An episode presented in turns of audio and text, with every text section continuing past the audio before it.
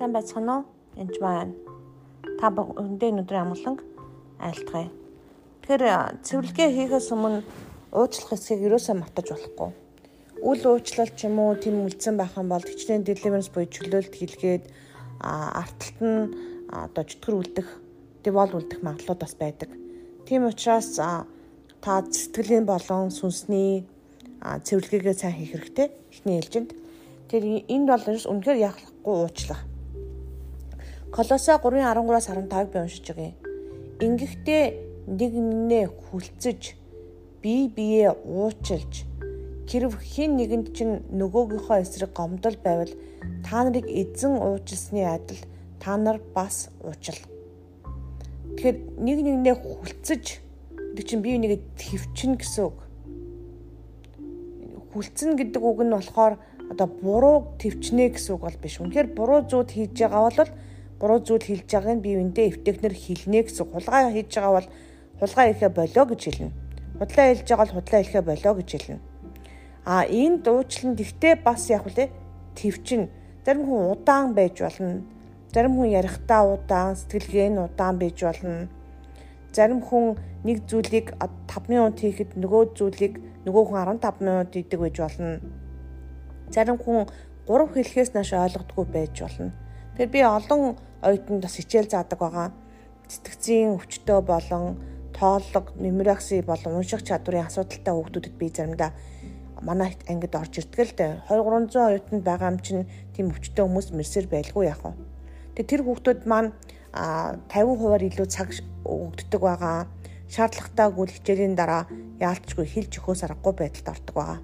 Заримдаа энэ бэлтгэл нь буюу bipolar сэтгцийн савлгаа өвчтөө хүүхдүүд хичээлд орж ирдэг тэр тохиолдолд би гаднаас нараад мэддэг ч гэсэн бас хувийн нууцаас нь болоод тусад нь ярддаг байгаа. Тэгэд энэ бэлтгэлээсээ болоод хичээлдээ анхаарал хандуулах чадвар муутай ч юм уу янз бүрс байх хэвээр. Энэ үед би яах аргагүй тэр хүмүүсийн зовлонг үлдсэн твчих ёстой гэсэн үг. Заримдаа төлбөрөө төлж чадахгүй баггаасаа болоод оюутнууд маань хичээлдээ орж чадахгүй болцсон хүртэл байдаг. Энэ тохиолдолд хүлцэн твчих тухай ярьж байгаа. Үнэхээр үрийн хүлээсэнд байгаа хүмүүс үнэхээр өвчтөө зовлонтой хүмүүс хөл гар нь өвчтөө хүмүүс шатаар бууж чадахгүй бол та хүлцэн төвчж яасан удаан буудгийн гэж хэлэхгүй байх ёстой гэсэн үг. Хэрв хин нэгэн чинь нөгөөхөө эсрэг гомдол байвал тэр гомдол байвал та нарыг эзэн уучсан адил та нар бас уучил. Энэ бүгдийн дээр хайрыг өмс. Тэр хайрыг өмсөхгүй бол амархан гомдоод үл уучлалыг ерөөсө хайр өмсчээ тэрээс хамгаалагддаг гоо. Хайрыг өмснө гэдэг нь гаднаас нь хараад таныг хайр гэж харахаас гадна хайр өөрөө бас хамгаалтын систем байгаа. Хайр нь өөрөөсө дотор байгаа юм гомдлог ч юм уу одоо буцаж дахиж гомдохгүй байх а бусдыг бас уучлах тэр бүх зүйлийг хайр гаргаж ирдэг ба. Хайрлсан учраас биднэрт Есүс Бурхныг Бурхан Есүс Христийг өгсөн байгаа хайртай үгийг явуулсан байгаа.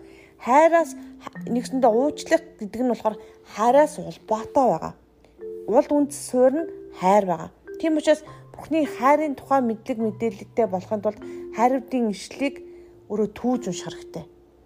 Тэр Бурхан хайртай байгаас зогсохгүй Бурхан өөрөө хайр байгаа. Хайр бол эв нэгдлийн төгс холбоос юм. Христийн амар тайван та нарын зүрх сэтгэлийг захираг.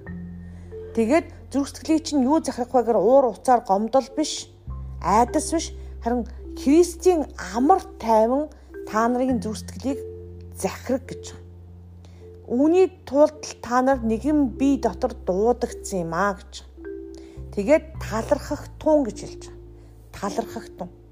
Тэр энэ бүх зүйлийг хийж зүрх сэтгэлээ ариусгаж цэвэрлэхгүй байх юм бол хичнээн эдгэрлэг чөлөөлт хийгээд зүрхчин бохор гомцсон хിവэрээ уучлалтгүй байх юм бол байнгын цэвэрлэгээ хийгээд дуустгүй байшин шиг л юм болж хуурна. Тийм учраас өдрөөс үрдэд өдөрт шинжлэхдгийн тулд хэрэг дотор бид нар бие биенээ заавал уучлах хэрэгтэй. Энэ бол тушаал. Уучлах уу байх уу дараа нь уучлая гэж ярьдаг хүмүүс байдаг.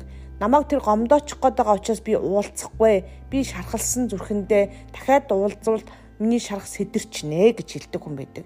Христ шархыг эдгээдгээ таны зүрх сэтгэлийг Христийн амар амгалан захирж байгаа бол тийм юм байхгүй. Тийм учраас Библийн ишлэлээ зөвхөн уншаад зогсохгүй хэрэгжүүлж тэгээд үнэхээр Христийн амар амар тайван та нарын зүсгэлийг захирах тун. Эзэн Есүс Христийн нэрээр. Амен.